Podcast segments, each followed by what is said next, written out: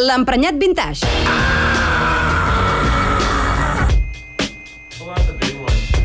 Amb Ricard Martín.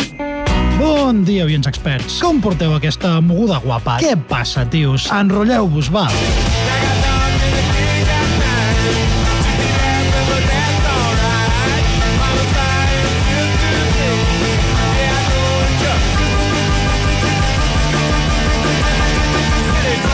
Estem escoltant City Slang de Sonic Rendezvous Band. Per mi, la banda d'alta energia dels 70s, que no es van menjar un torrat, esclar. Perquè avui la cosa va de... El llenguatge secret dels millennials, del seu argot inintel·ligible i fins i tot obscè. Oye papi, I'm sorry.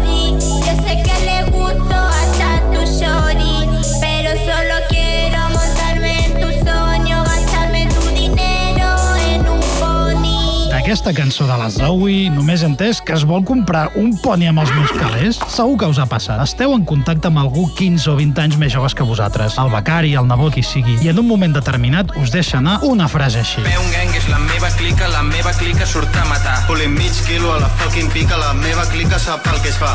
Fuma en verna i es desfà.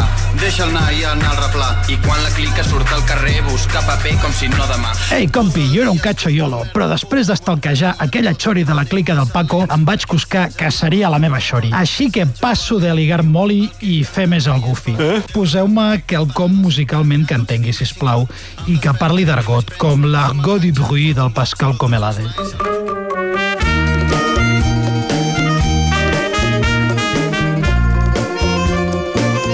Aquesta frase que hem sentit, traduïda al català de la Corpo, seria una cosa així com Company, jo era un baliga balaga, però després d'espiar les xarxes socials aquella noia de la colla d'en Francesc, me'n vaig adonar que havia de ser la meva xicota.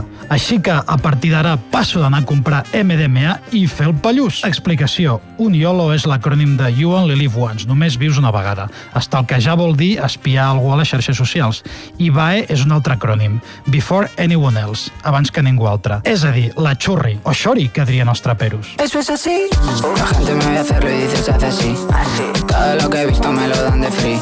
Pero el Dior que era para ti es dinero que perdí. Recordo que el grandiós lingüista i millor persona Jesús Tusson sempre ens deia a classe que dues persones parlen el mateix idioma quan s'entenen el 80% els significats que es transmeten. O sigui que quan parles amb un jovenet que teòricament ho fa en català o en castellà però no entens ni un borrall, esteu parlant idiomes diferents. Fill meu, la vida t'ha avançat per la dreta.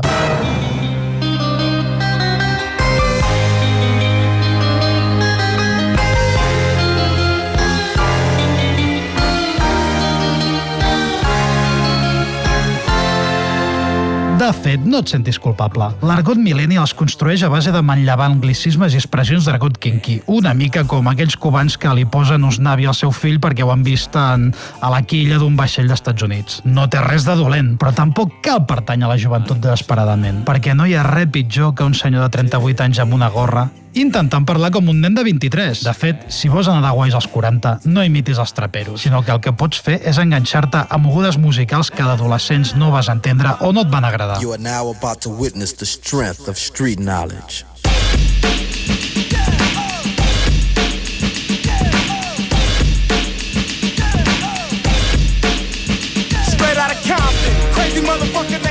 Com aquest disc que escoltem de NWA, que als 17 anys em semblava soroll i als 35 em va flipar. Quan l'escolto em sento com el niga més dur de la meva escala del bloc de pisos i faig servir la raqueta de badminton com si fos una falsa metralleta UCI.